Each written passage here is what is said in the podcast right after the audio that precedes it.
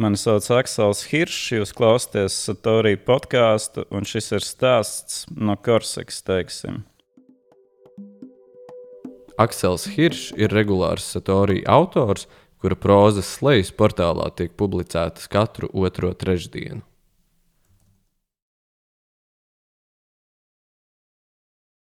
Viss būs lieliski, viņš man saka, un izstāta mašīnas aizmugures stiklu kaut kāds iztramdīts, mūžam ne savā vietā, bet bērnišķīgs sajūsmas un pārliecības pilns.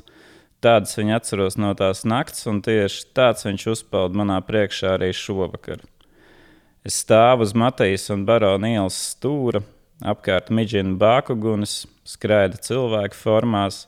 Kaut kas ir lēcies, bet nevēl nevar saprast, kas tieši.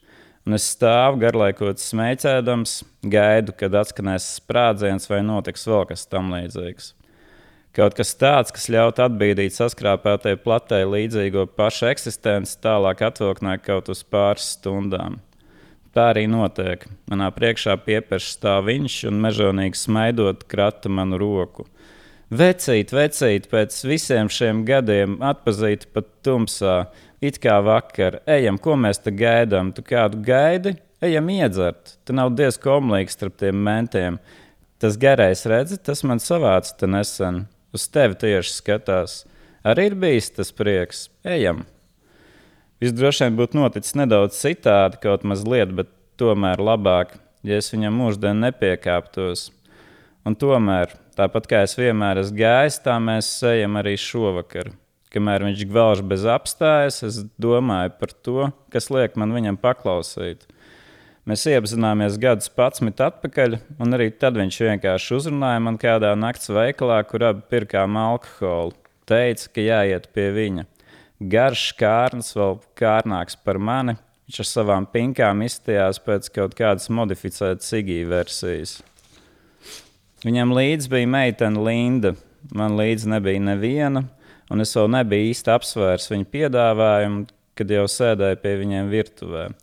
Viņš lēkāja plītu un cepa pelmeņus, uzgriezis liesmu līdz pēdējiem, ar lāpstiņu vienā rokā mētājot tos uz visām pusēm, un ar otru vienlaicīgi dzerot no kādām piecām glāzēm un pīpējot astoņas cigaretes. Linda klusi vēroja mani nekustīgi sēžot pretī pie galda, samiegtām acīm, izstiepta muti, Viņā bija kaut kas no čūskas vai kā tam līdzīga. Tā man toreiz šķita, es atceros. Mēs varētu paņemt ripas. Man bija baigi labās ripas, un man tagad to nekad vairs nebūs, jo tās nevar dabūt pat tad, ja es pats bagātākais kretīns pilsētā. Viņš klaigāja dejojot ap degošo pannu. Bet tad ir Linda, teiksim, kur vienkārši paņem un padirž tās visas. Ja? Nu, izmet laukā, jo viņai bērnībā pieņemsim kaut kas slikts uz galvas uzkrits. Un tagad mēs varam tikai atcerēties, ka man tāds bija. No Korsikas, teiksim, kam vairs nav nozīmes.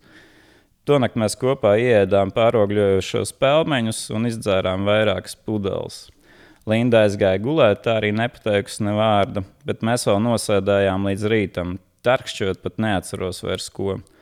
Blāvs, indīgs rītausmas gaismā, brienot mājās, domāju, ka vairāk viņus nesatikšu. Tieši tāds arī varēja būt gal galā.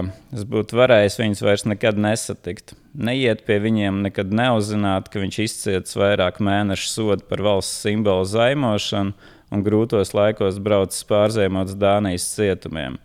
Ka viņa vecākais brālis nogalinājis pakaroties savu kāzu priekšvakarā, ka Lindai bija bērns, un viņa vispār ir krietni vecāka par mums abiem, ka viņai ir smaga diagnoze un reizēm viņa aizmirst savu vārdu.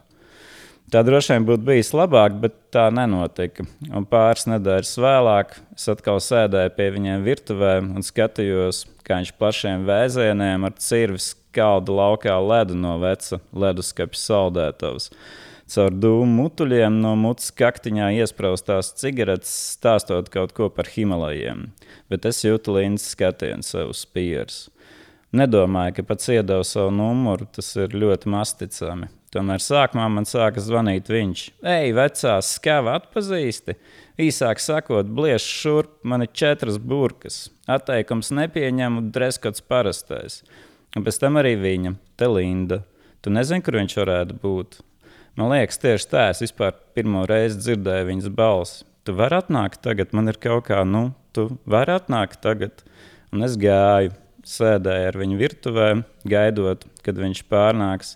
Centos plēpāt kaut kādas uzmanību kliedējošas blēņas un palēnām ieķēros viņas padzisušajā mēmajā skatienā. Es biju tieši tik dumšs, lai tas notiktu.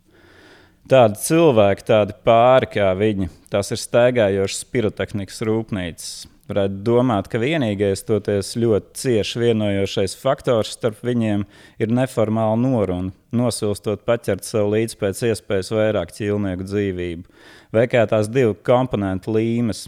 Kopā turēties viņi ne par ko nevēlējās, bet katrs atsevišķi kā zaudēja kādu pielietojumu.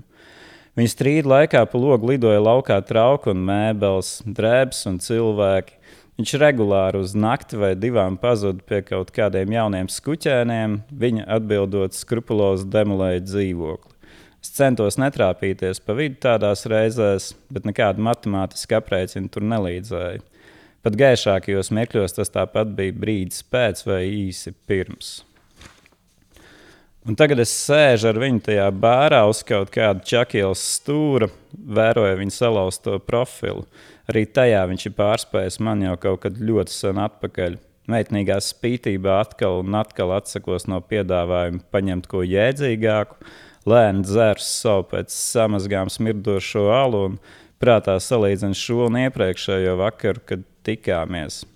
Man liekas, kas būtu baigi mainījies. Manis, saprotams, ir par kādu sauju mazāk, Es esmu griezts un kalts slumniscējošo lampu gaismā, bet mani joprojām var atpazīt pat tumsā. Savukārt viņš, viņš ir kļuvis pieaudzis.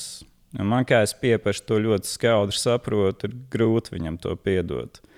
It kā tas pats, bet tomēr apaudzis. Tas redzams pat tās drāņķis ieskrietos blāvajā gaismā, apaudzis ar dubultzodiem uz savu strausu kakla, maisiem zem acīm, dziļām rievām, šaurās pieres. Un man negribas vairs klausīties viņa tērgāšanā. It kā viņš būtu vainīgs pie tā, ka noveco, vai pie tā, ka tas viss drīz skars arī mani pašu. Un es saku, klau, apklust, ok, apklust tagad. Ir skaidrs, ka vairs neiešu ar viņu nekur, kaut kas tiešām ir beidzies. Ko tāds nervos meitenes nedod? Viņš jautā, un pats atbīdās tālāk no manis. Meitenes, jā, protams. Tajā vakarā Linda devās prom no viņa. Sakrāmēja mans, izsauca taksi. Sākumā zvanīja viņš. Ei, nu, te es uh, nezinu, kas notiek, bet tu nāc, būs jautri, resnais. Pēc tam arī viņa atnāca, lūdzu, lai tu nesāktos. Tu no viņa draugiem tāds prātīgākais liecies. To viņa teica visiem viņa draugiem. Saprotams, skrēju, tomēr mazliet nokavēju no viņu mājas iekšpagalma ārā braucošā takša vietā, ieraudzīju policijas mašīnu. Kāpņu topā kāds mauroja, pēc mirkļa parādījās Linda ar pāris kopiem, tad izskrēja viņš un ievilka Lindu atpakaļ. Man nelikās, ka man tur tobrīd vajadzētu atrasties. Visa man būtība kliedz, ka nevajadzētu. Tomēr es turpināju stāvēt. Pāris stāvus augstāk atsprāga kāpņu telpas lokus, un es pacēlu galvu, ieraudzīju tur Lindu. Viņa raudot kaut ko skaidroja kruķiem.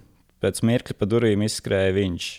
Izpūrs ar kaut kādu Pirmā pasaules kara šinelu plecos un plikām krūtīm, pilnīgi noteikti kaut ko sarījies. Man ieraugot, viņš priecīgi iegavilējās un pieskrēja klāt. Jā, forši kā atnāca, vajag savākt viņas pasi. Viņi grib lidot uz Atēnām pie tā mudaka. Vajag savākt viņas pasi un tad iedzersim. Kad redzēju, kā viņš lodā policijas mašīnu, sāku ko nojaust. Redzēju, kā viņš pamana viņas somiņus pakaļējā sēdekļa. Evo, es teicu, pagaidi. Viss būs lieliski, viņš man teica, un izsita automašīnas aizmugures stiklu. Diez vai es nodomāju, metos skriešus caur pagalmiem, pār dzirnavu ielu, pār būvlaukumam prom. Diez vai būs lieliski, diez vai šoreiz piedod draudziņu. Piedod, draugiņ, es saku viņam šovakar, mēs kaut kādu stūri jau minūtes piecas atvadāmies, un es nekad nespēju piesmeicēt. Viss ir samirts, sabrāķēts un ārā metams. Viņš tikai gvelš kaut ko, un jau tagad, stundu vēlāk, es vairs neatceros, ko tieši. Man patiesībā ļoti gribētos vēlreiz nokļūt pie jums virtuvē. Es saku, ja nu tu šo lasi, paklausīties tavs stāsts par Japānu, uzcept pelmeņus, Līna skatītos uz mani klusi, viņa būtu vesela un īsta, viss būtu diezgan ok, bet nav. Un es tomēr domāju, ka vainīgs esmu tikai tu, pat pie tās savādāk kārtā, cik līdzīgi mēs esam. Un nav tā, ka nesaku to, to acīs, tāpēc, ka baidītos. Jēzus es vispār nebaidos ne no kā, un tu pats to labi zini. Mans vienkārši ir par maz bailēm, tāpat kā tevis, par daudz jebkam, ko varētu, ja arī tikai caur zobiem nosaukt par normālu dzīvi. Pēc tam es eju mājās. Tur neviena nav, jo viņa ir kaut kur aizgājusi. Es sēžu pie loga un domāju par to, ka šis gads sācies jocīgi. Un tagad nāksies nedaudz uzgaidīt, lai sāktu jēdzīgāk citu, bet pie šīm mazajām neveiksmēm jau sen esmu pieradis.